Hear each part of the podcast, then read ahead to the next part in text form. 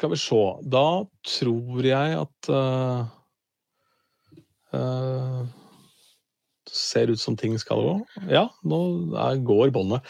Uh, grunnen til all denne praten uh, fram og tilbake her, det er rett og slett at dette programmet som vi tar opp denne podkasten i, det heter Squadcast, og det har da valgt å endre utseendet over natta. Det er litt sånn som at uh, du går og legger deg ved siden av kona di på en tirsdag, så våkner du opp på onsdag, så har kona di blitt en krabbe. Krabbe, faktisk. Mm. Det er jo i hvert fall mye mer komplisert å gjøre det du vanligvis gjør med kona med en krabbe. Eh, så du, du har jo ikke samme bruksanvisning, så det er jo noe med mange flere lemmer å ta hensyn til. Mm. Men uh, det er jo ja, nettopp. Og noe klør og noe greier. Men ja. uh, det er jo også interessant at det har jo blitt rigget for Grand Prix-podkast. Fordi eh, idet jeg skulle onboarde Anders inn i systemet her, så ventet han backstage i green room. Det var ikke noen busker der denne gangen, men det var i hvert fall et green room. Og så kom han da på The Stage. ja, og jeg fikk, fikk sånn spørsmål i det systemet om vi ville akseptere å gå på scenen.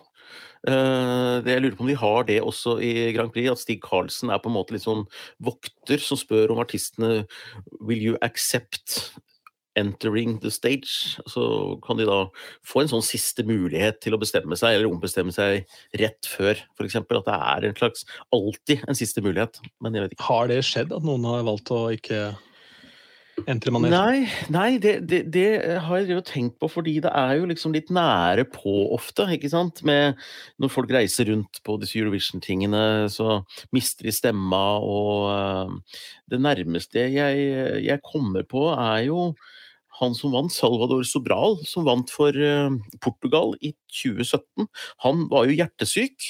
Så søsteren gjorde jo veldig mange prøver, så det var jo mye sånn spenning om han kom til å kunne greie å stille opp. Og så hadde du uh, Tommy Kjørberg i 1987 med Stad i jus, som ikke hadde stemme i det hele tatt. Så Py Beckmann, låtskriveren, gjorde til og med den generalprøva dagen før. Så gikk han på scenen, og det gikk ikke så bra men, med det heller. Men låta er fin. men det de, de har, så vidt jeg vet, ikke skjedd at noen har trukket seg fra Eurovision. Det har vært endringer av noen artister og sånt, men uh, 70-tallet Det var liksom andre som stilte på norske finalen, også, men uh, ikke noe mm. trukket seg. Nei, det tror jeg ikke. Tommy Kjørberg, bare sånn når du nevnte han, så må jeg jo nevne et uh, album av han som er en helt fantastisk tittel, som heter 'Songs for Drinkers and Other Thinkers'. Ah, det er, det er Tom Waits-løp i Oslo, altså. Det må jeg si. Det er litt sånn Og han, han jeg sier, Tommy Kjørberg Skal vi si Hvordan skal jeg si dette uten at det blir hengt for deg, da? Men altså, det, er jo litt sånn derre La meg si, hvis du sitter på litt sånn brune puber i Oslo, så er det en del sånne utseender som overrasker deg mindre enn andre. Og Tommy Kjørberg ville liksom glidd veldig godt inn på en sånn brun pub. Jeg ville ikke ha stussa på hvis det satt en sånn Tommy Kjørberg-figur på Dovrehallen i Oslo, f.eks. Det, det er ikke rart, liksom. Det er rarere hvis Keiino sitter der, hvis du skjønner. Ja. Ja, han Buljo, ja. Han nettopp, ja. ja, ja, alle, ja alle, tre. Mm. Ja. Rotan hun passer jo ikke akkurat inn der, da, kan du si. Men, eh, nei, men Kjørberg altså jeg, jeg, kjenner jo ikke hans historie, men det er, om han har levd eh, hardt og sånn. Men det ser jo ut som det er, det ser ut som det er levd liv der. Altså, han, han, er jo en gubbe. Altså, han er jo en han ser jo ut som en, eh, en, fyr det er vanskelig å ta i nevekamp, eh, på en måte. Han ser, han ser ut som en seig jævel. ja, nei, jeg ville ikke, vil ikke krangle med han, men han, eh, jeg, jeg, aner ikke hva slags type han er engang. Nå, nå fikk vi, vi fikk litt kjeft, faktisk. Det var koselig. Vi fikk litt kjeft på her for at vi hadde vært slemme med Thomas Ledin, så jeg tenker jeg skal være litt forsiktig med Tommy Kjørberg nå. Uh, jeg vurderer å sende en låt til Melodifestivalen neste år, det er ikke tull engang. Men eh, det skal ligge litt stille. Ja. ja. Jeg roter med nasjonalskattene der borte, det er ikke, er ikke bra. Da, så lenge ikke du ja, Vi gikk jo delvis løs på ABBA her om han. Ja, eller, ja, ja, ja. Jeg gjorde det. Nei, for det, det verste er at jeg, jeg har hatt litt sånn Messenger-kontakt med to sånne her eh, svenske produsenter nå. fordi at For å få lov til å være med i Melodifestivalen, så må du ha en svensk med på låtskriverteamet. Så da må vi adde en til på teamet. da, Så må vi enten få med en som bare sier at ja, du kan sette på navnet mitt, og så deler vi kreden. Eller så aller helst så vil jeg ha en som jobber litt med låta, da. Så øh, vi har vært i kontakt med to stykker, så det er jo, det er jo gøy, da. Så vi får se om en av dem Han øh, første hadde ikke tid, så man syntes låta var kul, og sånn, så han henviste meg videre. Så vi får se. Ja, så du er på jakt etter en svenske, egentlig? Ja. ja. Men kanskje ikke Thomas Ledin. Men det er gøy, det. Vi får se. Ja, jeg tror vi kommer tilbake til det. Ja. ja. det gjør vi nok etter hvert. altså Tangens reise til eh, nok en gang ikke bli valgt ut til å være med i Eurovision eller Grand Prix er jo ja.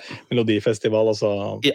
Jeg tenker kanskje du skal prøve deg på Island, eller noe sånt, men de holder høy kvalitet. Det er... Ja, det er det. San Marino er jo alltid et mulighet. Ja, eller Hellas da, kan jo gå i fotsporene til Amanda Tenfjord. Men ja, ja. Eh, det, det, vi må si aller først er at denne episoden er spilt inn på forhånd. sånn i tilfelle Det pågår jo ting og tang i Ukraina, så vi vet jo ikke hvordan det, de tingene skjer. Men nå ligger vi en god stund foran. Eh, det er 29. juni.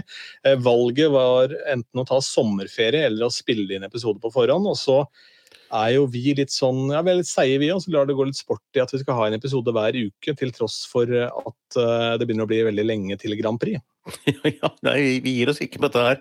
Jeg sitter sannsynligvis i Provence når dette her eh, sendes ut. og Jeg vet ikke hvor du er, men er, vi er jo ferierende i hvert fall. Så det er eh, Ja jeg har vel kanskje akkurat gått hjem fra den iske puben når den uh, poden her slippes uh, i Berlin. Uh, hvis jeg kommer meg til Berlin. Vi får nå se. Jeg har rota med noen flybilletter her, men det er en helt annen historie. Men denne episoden så har jeg tenkt til å stille deg noen spørsmål om dine beste Grand Prix og Eurovision-minner og opplevelser, var vel det som var litt tanken her, da. Oh, ja, så gøy. og ja. da blir det en litt sånn enveisseanse, for for min del så jeg har jo noen sånne klare minner, selvfølgelig, men det er veldig lite knytta til selve showet, for det har jeg aldri ja. vært på. Eh, jeg var ganske tett på produksjonen på Telenor, for da hadde Radiometro akkurat starta opp, og Bjørn Ivar Holte Nilsen, som eh, jobba som produsent eh, i, i Radiometro på den tida, som nå er blitt sånn sjokoladekonge. Han jobber for Lint, og driver med sjokolade. Jo, så han kan jo snart rulle rulle hjem i oppoverbakke, tror jeg. Eh, så, mye, som, så, mye, som, man kan spise av lasset på den jobben der. Men i hvert fall, eh, så da var jo han veldig interessert i å utnytte de mulighetene så mye som mulig. Så vi var mye på green room og ting og tang der. Eh, og, og, altså I pressesonen, og det var jo vanvittig opplegg. og Det jeg kanskje husker best fra 2010, var nok denne eh, måten som Eurovision rett og slett bare grep um, det som var hot i verden, var å ha denne flashmobben. Ja, ja. Og det var uh, sjeldent på tid. Altså, det, det var det er, det, er, ikke så ofte at det er liksom det, det, var nesten så du kan si at det var i forkant av de store flashmobene. I hvert fall var det midt i tida. Det var på en måte ikke bakpå i det hele tatt, altså. De, de hadde bare fanga opp at flashmob var en greie i tida, og så gjorde de det stort, på en måte. Så det var nesten Riverdance. Mm. Ja, og så riktig med de to gutta med Shav og Josef og sånn, fordi eh, smittende energi og liksom fin, bra poplåt. Ja, det var rett og slett ja, den, den sitter igjen der. og Det er den sånn, sånn låt jeg kan dra fram eh, i bryllup den dag i dag, liksom, som alle har et forhold til. da. Eh, og ble jo glad, det ble jo glad, vet du. Ja, og, og, og, det var jo halsbrekkende, sant. Altså, de hadde sikra seg noen sånne som dansa, eh, opptak av noen som dansa, så hadde de klippet dette ganske kult. Men de våga også, og det markerte de veldig tydelig på skjermen, 'Live from Düsseldorf'. Hvor du da altså eh, gjør det live dans hvor du skal være på beaten. Altså, du, du, du, kan jo ikke, du kan ikke ha forsinka lyd og bilde, og dette skal spille sammen. Altså, det, det, var en kraftprestasjon av dimensjoner. Eh, og det var jo da jeg satt i salen, han som hadde tatt feil, som jeg nevnte før, i, i baren der, som solgte halvlitersglass med hvitvin, eh, og jeg skulle da gjøre denne flashmob-dansen som en del av publikum. Så, det, det, men det var gøy. Jeg fikk det med meg. altså. Det som også er fascinerende, er at dette var i 2010, og du nevnte Düsseldorf. For eh, jeg reiste til eh, Nuremberg i Tyskland etter 2010, og da var det én taxi i hele byen som hadde kortterminal. Så det er ikke dermed Og det snakka de om også nå med pandemien, du, at uh, tyskerne hadde så dårlig infrastruktur for å spre ut til folk at de måtte ta vaksine. Så de sendte det mm. per brev. Men så fort brevene kom fram til tyskerne, så stilte jo alle i kø for å ta vaksine. Ja, for da er de med. Mm. Ja, Men eh, det var rett og slett Der er jo Norge helt i liksom fremste rekke. Så det at man klarte å implementere hele, hele Europa på den måten i 2010, er egentlig mektig imponerende. Ja, men det er det. Og det, Norge er, er gode på år forkant. Vi elsker duppeditter og elsker, at, elsker, å gjøre ting komplisert. Da. Også, vi gjorde det vanskelig for oss. Du skal være live fra seks steder i Europa, og du skal danse på beaten. Det er jo kan ikke gjøre det vanskeligere. Nei, det, Nei vi, vi, må rett og slett få tak i noen i produksjonen der for å høre hvordan ja. dette gikk til på tidspunkt. For vi har jo har noen andre uker å fylle her også. Men uh, hvordan skal vi gjøre det? Skal vi ta, Har du satt opp en liste, eller hva tenker Nei, du? Jeg, bare... jeg, jeg, har jo jeg, altså, jeg, tenker jo litt gjennom det. og, og, og Selvfølgelig er jo første gang alltid veldig gøy. Altså Det var i 1984 hvor jeg hadde sendt et brev til daværende program Ungdommens radioavis.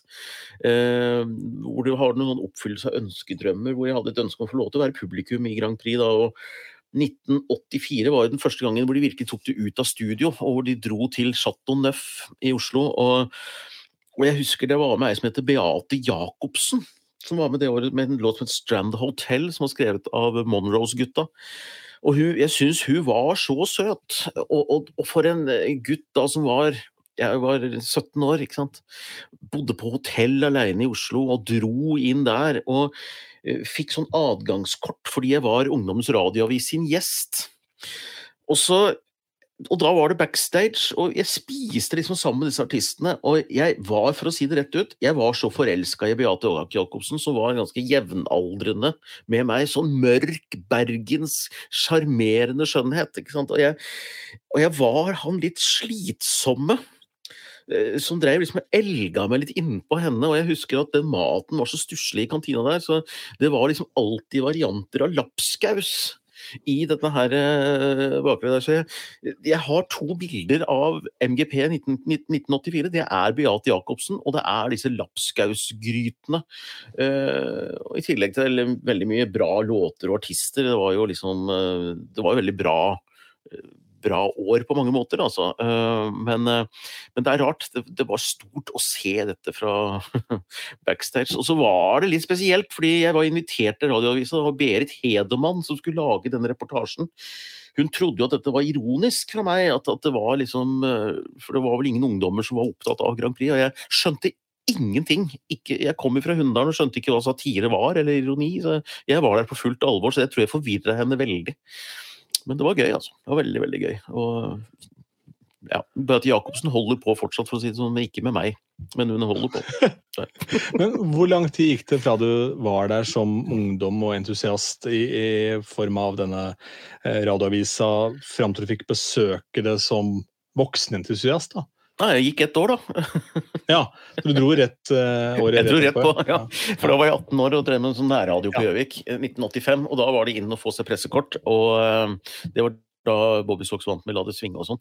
Det var ikke så gøy, eh, for da hadde jeg gjort det en gang før, men det var jo gøy å være der da også. Men det, det står liksom ikke på lista mi over sånne, sånne, rare høydepunkter, for det, det var vel da jeg jobba i NRK i 1989 eh, med Optimist og Teigen, og så sang, opp, eh, sang den låta, og hele sendinga holdt på å velte fordi alle i salen satt og ropte Teigen, Teigen, Teigen, og da skulle Leif Erik Forberg og jeg lage sånn direktesending på P1 rett etter etter eh, Grand Prix-sendinga.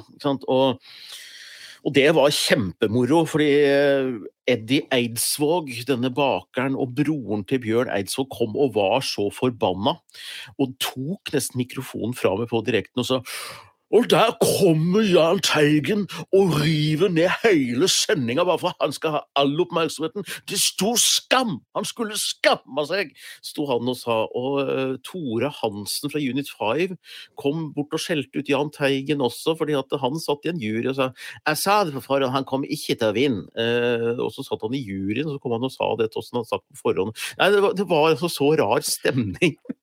Men det er jo veldig pussig. Ja, pussig også å bruke kjeft på Teigen fordi han har den beste låta, på en måte.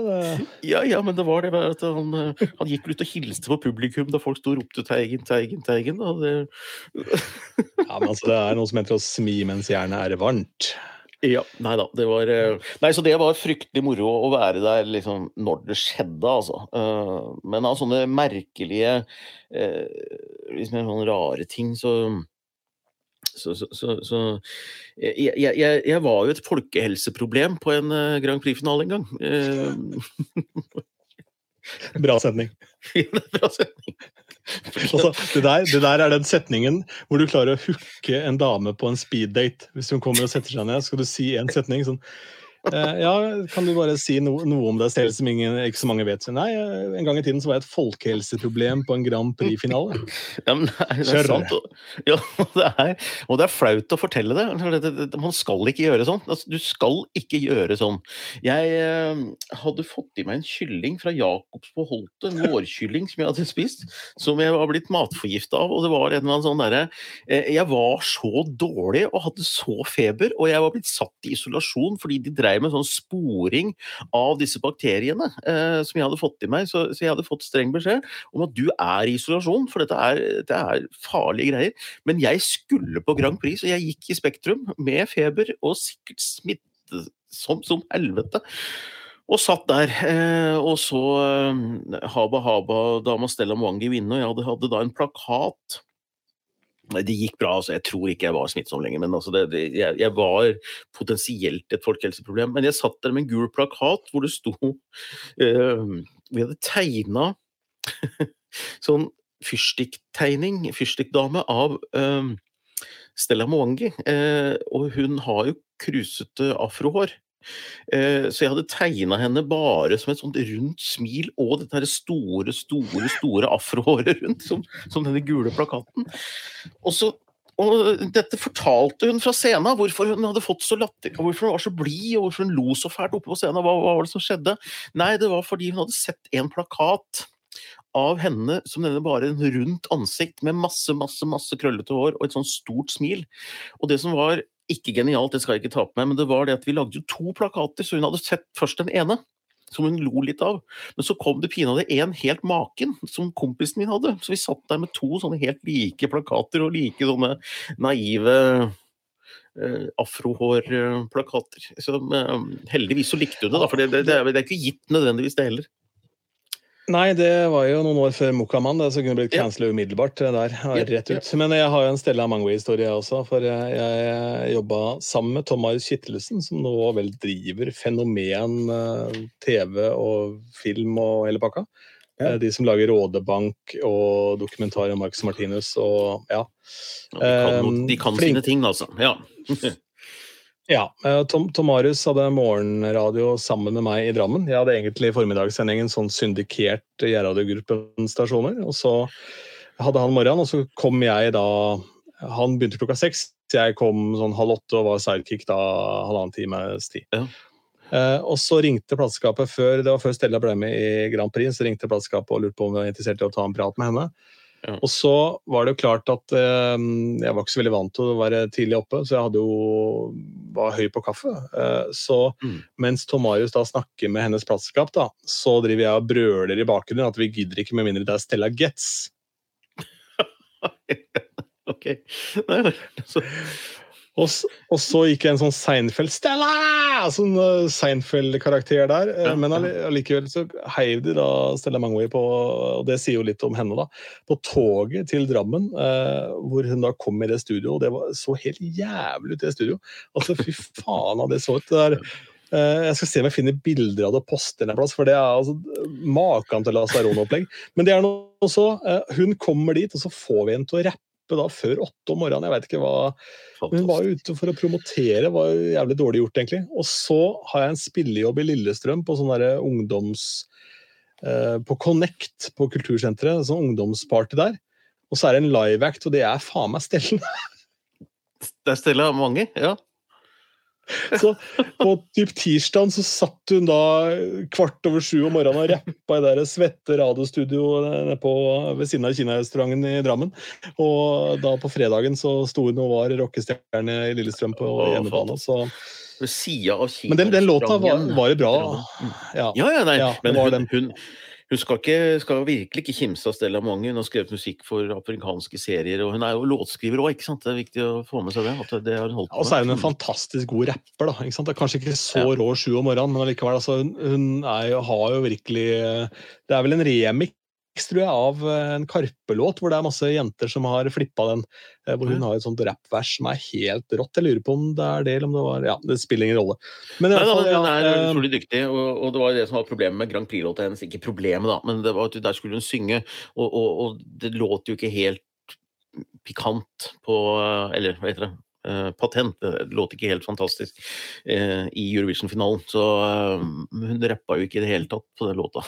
så, hun, Nei, det, det, var jo ikke greit det på den tida, på en måte. Det er noe som har kommet til senere årene, det at ja. jenter også kan legge rapppartier. Um, ja, ja.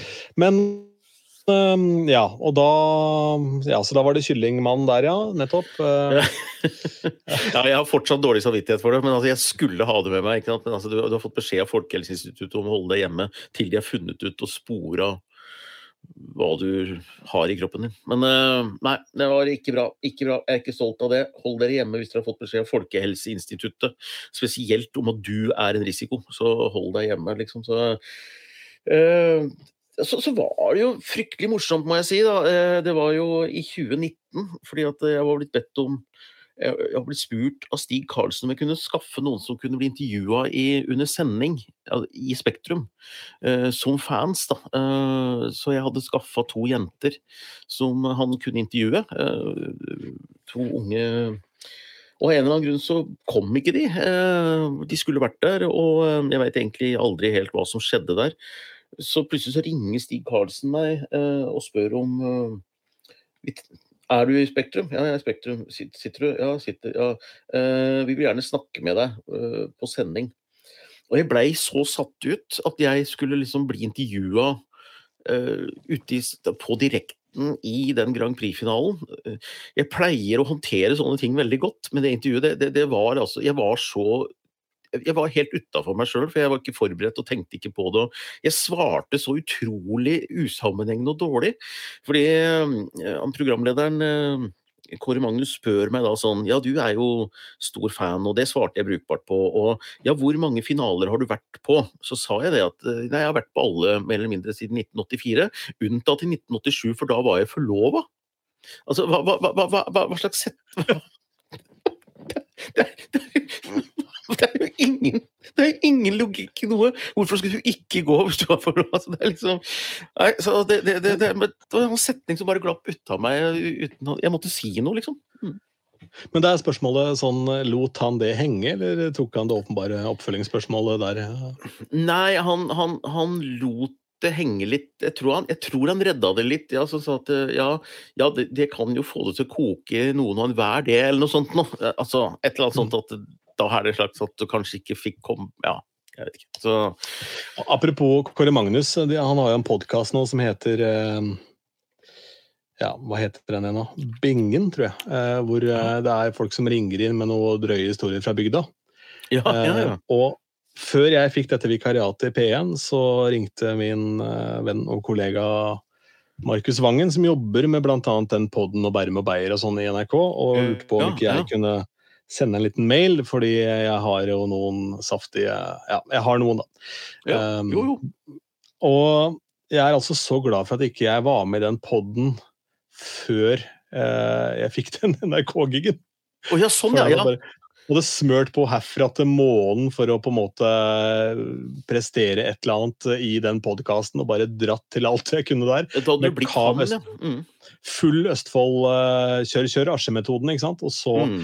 uh, sånn Ja, du, forresten, det er, ja, jeg som skal ha nattradioen, ja. Sånn, ja. jeg har for øvrig en, jeg har en hater på nattradioen, det er jævla fascinerende, kan jeg nevne. Fyr som har tatt seg bryderiet med å sende en lang mail fordi han, han hang seg så jævlig opp i at jeg snakka om om at det var så god saft fra Askim. ja, det er jo det. Det er jo lov. Askim er ikke kjent for mye, men de er kjent for god saft. liksom. kunne, hvis Askim ikke skal kunne skryte av det, så er det jo ingenting igjen. Unnskyld. Men altså, det er jo ikke det. Ja. Nei, det er Glava og saft.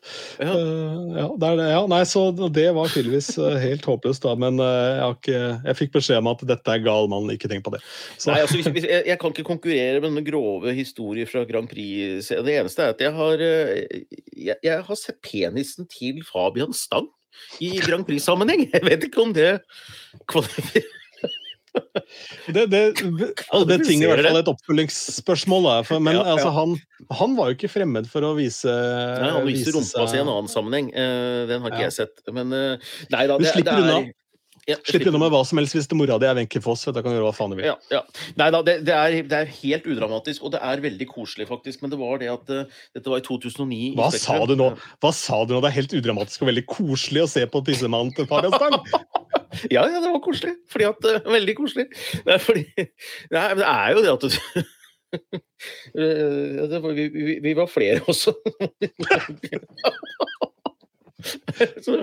Nei, men, eh, nei, men det, det, er det at det er jo pauser, og, og det ble en veldig koselig stemning inne på herretoalettet der eh, rett etter at Rybak hadde vært på scenen. Da hadde sunget Fairytale, og så var det en liten pause der. og Da skulle alle opp og pisse. Og, da, og når du står ved siden av hverandre på dette pissoaret, så står du og snakker litt om ja, det er Grand Prix og, og ja, hvem vinner For alle var i sånn ekstase etter, etter um, etter eh, Alexander Rybak. Og da, og da, da sto vi ved siden av Fabian Stang på sånn renne. ikke sant? Jeg gjorde jo det.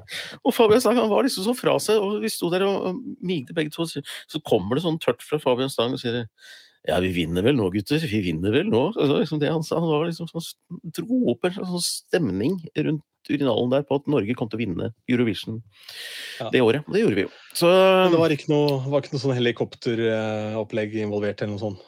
Nei. Nei, det er betryggende. Ingen helikoptre og ingen dramatikk eh, eller noe sånt men, eh, men eh, det, det, Altså, jeg sto jo ikke og stirra, men altså Nei, du veit hva, Anders, vi må bare gå videre. Ja, vi, vi, går videre, vi, går videre, Men ja. det, det, var, det, var, noen høydepunkter. Mm. Ja, det var det. Ja. Det blir jo etter hvert internasjonale finaler og sånn her også. Um, ja.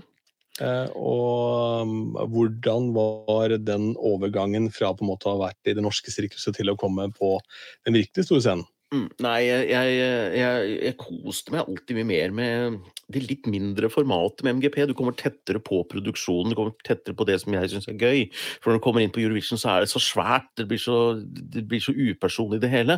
Men, men jeg, glemmer jo ikke uh, Første gang jeg var på en internasjonal finale, det var jo 2010, Uh, samme som deg.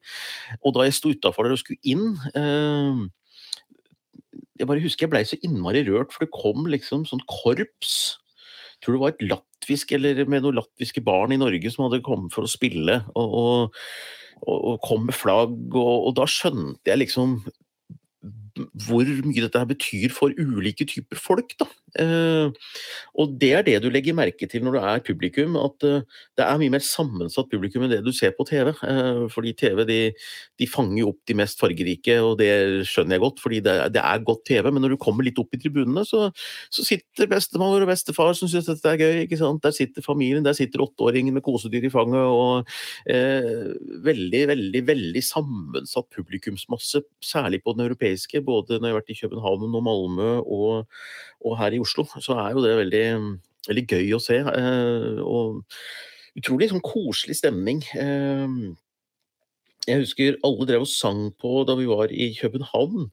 Så drev alle og sang på en eller annen låt som var eh, favoritt det året. Og da skulle jeg selvfølgelig prøve å vinne med at jeg også skulle drive allsang i en slags tunnel ut i, altså inn i arenaen der. Så var det liksom fra stasjonen og inn. Det var veldig gjallet, veldig god akustikk der. Eh, hvor jeg da skulle dra i gang allsang med 'Silent Storm' med Carl Espen, husker jeg. Det var ikke så lett. så, men jeg insisterte, da, så da kom det en sånn brite bort og sa i totally agree. That's also a good song. For han skjønte hva jeg drev med, at jeg også skulle prøve å få med noe til å synge på vår låt. da. Den var jo populær, den låta også, men det var liksom ikke en allsang, kanskje. Nei. Nei, det bryllupet jeg spilte på lørdag, så kom det en, eh, en av den eldre guide som var der. Jeg vet ikke om hun var jeg vet ikke hva hun var, om hun var en bestemor eller en tante eller et eller annet, men i hvert fall sånn mens jeg prater i mikrofonen da, og takker av toastmaster, pleier å gjøre det etter at mm. brudevalsen har gått og ønsker velkommen til festen og hei og hå, jeg tar ønskelåt og sånn, så sier hun ja, ta, kan vi ta den ringdansen? Ole Ivers, den derre så tenker jeg ja, riktig, du skal avbryte meg nå, ja. Vi begynner der, liksom. Bare ja. umyndiggjøre meg umiddelbart nå, ja. Greit. Um, og så, jeg, vet, jeg var sikkert litt frekk, da, for jeg sa at jeg, ønskelåten som kommer etterpå, så jeg må bare starte mm. festen her, men det her var jo en kokvarm låve òg. Så klart, eh, det ble jo litt sånn av og på-fest. Men hun fikk den til slutt, da, og så tvang hun alle til å være med på sånn jenka-runde til den Olivars. da.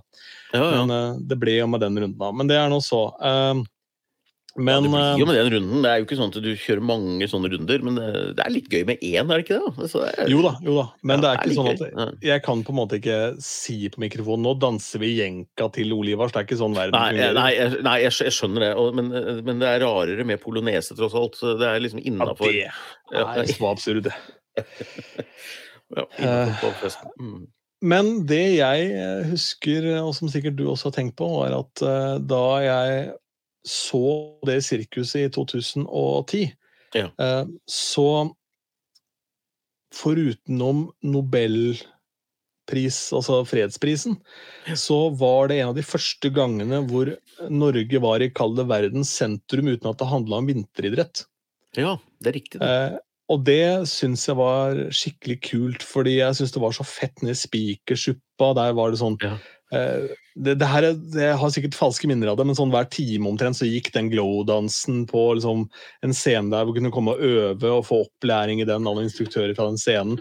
Det var sånne ting som foregikk hele tiden, og så plutselig kom Didrik innom og ble intervjua der, og så mm. snakka de litt med Rybak. Eh, og det skjedde litt sånn ting der hele tiden, og det kokte og syda i byen av internasjonalt kaliber uten trikot. Ja. Uh, og det var så stas, da, fordi jeg er ikke spesielt Jeg syns det blir litt mye Norge på ski, da. Ja, for det, er ikke plass til noe annet. fordi det er, jo, det er jo så sært eh, internasjonalt. Eh, vinteridrett er så sært at Eurovision er jo ekstremt bredt sammenligna med det. Sånn helt ærlig. fordi sånn, Hvor mange er det i verden som driver liksom og går på langrenn? Altså Elvesvømming er jo en større idrett. ikke sant? Så det er jo det er klart at Norge dominerer der, og da blir det stor folkefest. Eh, men det er jo ikke så mange andre rundt omkring som egentlig fester seg ved det så mye. Ski-VM og sånn, for å være helt ærlig. Det er skihopping og skiskyting av disse vinteridrettene som virkelig er store der ute. Eh, ja, og nå gjør vi det bra der også, men eh, ja. Ja, og snowboard og sånn, selvfølgelig. Ja, selvfølgelig. selvfølgelig. Og, ja, ja. De tingene. og kunstløp og sånn, selvfølgelig. Men, men allikevel så er det akkurat liksom det vi er best på, langrenn. Og det er, det er liksom den aller minste marginale, kanskje med unntak av kombinert, som er enda litt sånn uh, rarere. Men, men skal ikke disse ski Nei, overhodet ikke.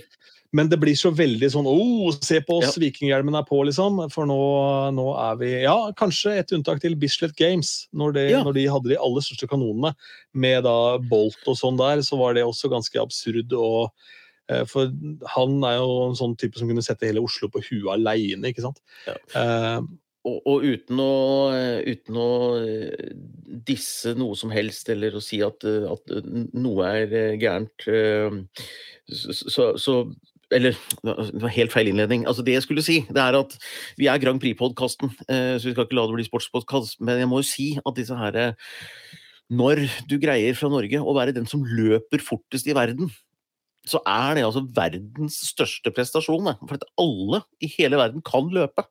Altså Fotball og skiidrett, det handler om smøring, det handler om busser, det handler liksom om utstyr. Men hvis du løper raskere enn en som er oppvokst i et land der du løper fra leoparder og geparder, og du har det i blodet, da er du så god da, at det er eh, bare å bøye seg i støvet. Så det må jeg mm. si, eh, når Norge gjør det bra i fotball og i uh, friidrett, så er det enda mer moro enn at uh, Therese Johaug uh, fra Dalsbygda ja.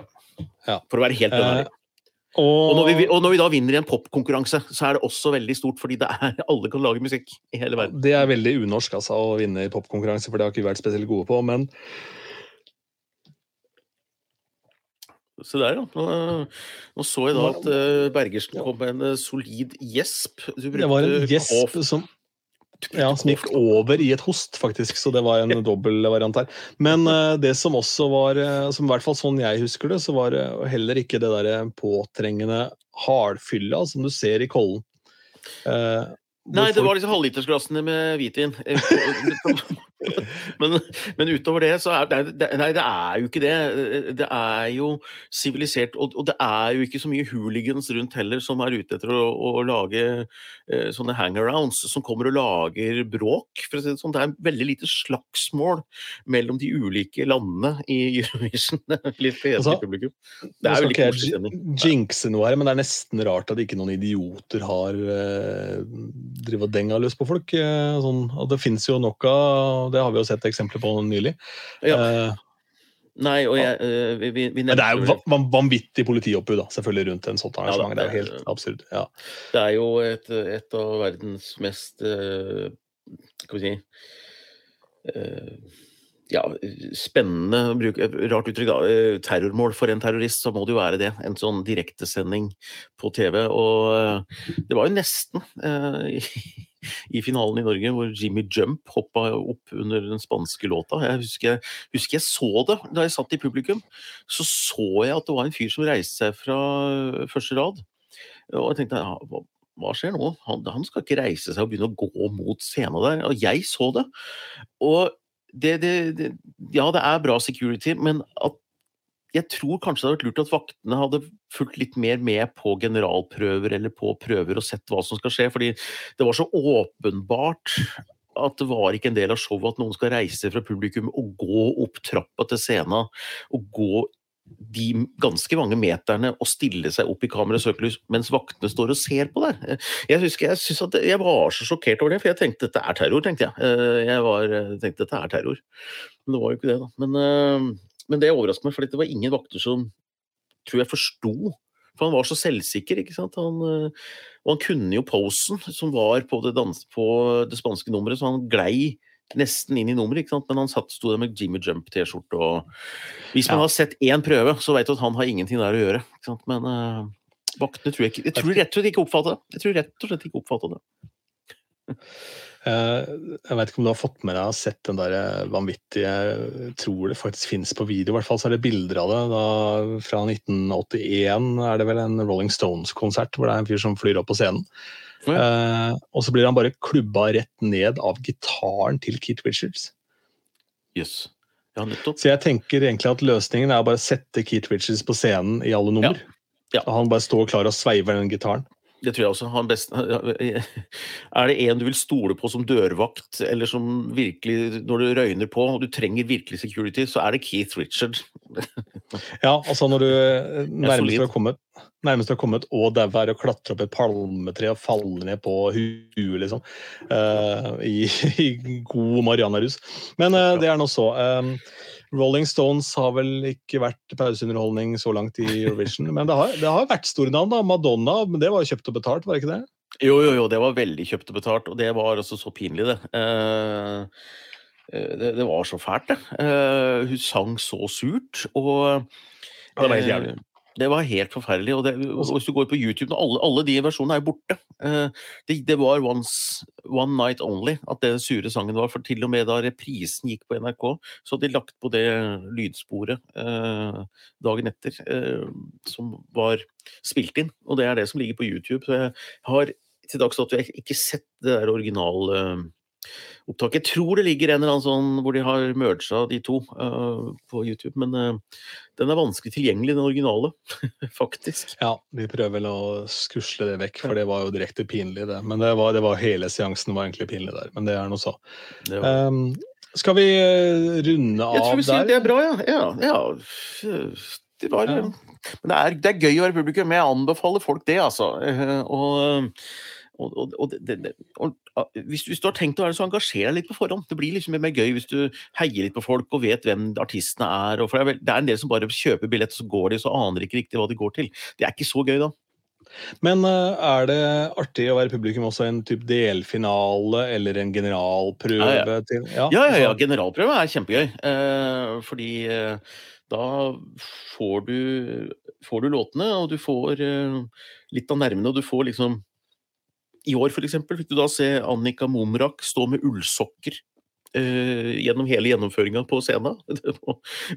Det, er, det er, veldig spennende og litt sånn hjemmekoselig, men det, det er jo absolutt nerve og når ting begynner å koke litt. og Det går jo alltid noe gærent på disse generalprøvene. Det er også gøy å se hvordan både artister og programledere alle takler det. Så, så gjør det, altså. Eh, jeg har gjort det flere ganger. At jeg har vært eh, og sett internasjonal delfinale hvor Norge er med.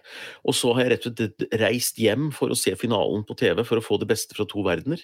Eh, fordi det er et TV-show, og jeg mener at du opplever mye av det best på TV. Eh, altså rent sånn showmessig, for det er en TV-produksjon.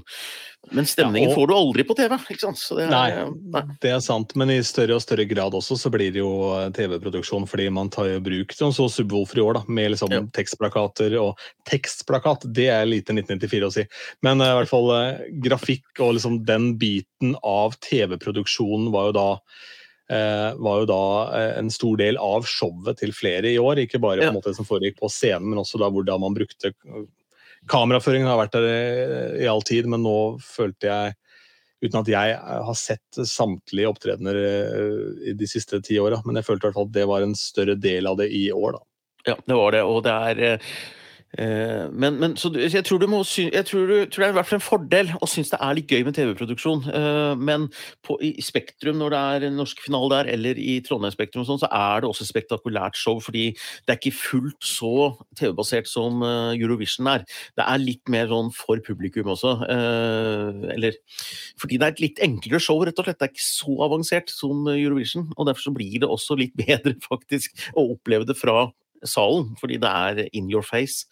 Og hvis du er heldig å få god lyd også, det varierer veldig hvor du sitter hen, så er det en ganske, ganske fin musikalsk opplevelse. Faktisk kan være, men det, stemningen er det morsomste. Pluss å gå på dass, da.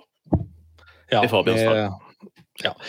Da tror jeg vi sier det er greit der. Du har hørt Grand Prix-podkasten Tro det eller ei. Jeg er eh, Bergersen, på andre siden av apparaturen er Tangen. Eh, og vi er tilbake om en ukes tid. Denne episoden her er spilt inn da på forhånd fordi det er sommer, og kanskje sitter du nå på et uh, tog fra A til B og uh, ikke har noe annet å gjøre enn å kose deg med denne podkasten her. I så fall så um, ønsker vi lykke til på turen, og tusen takk for at vi får lov til å være en del av din reise. God sommer!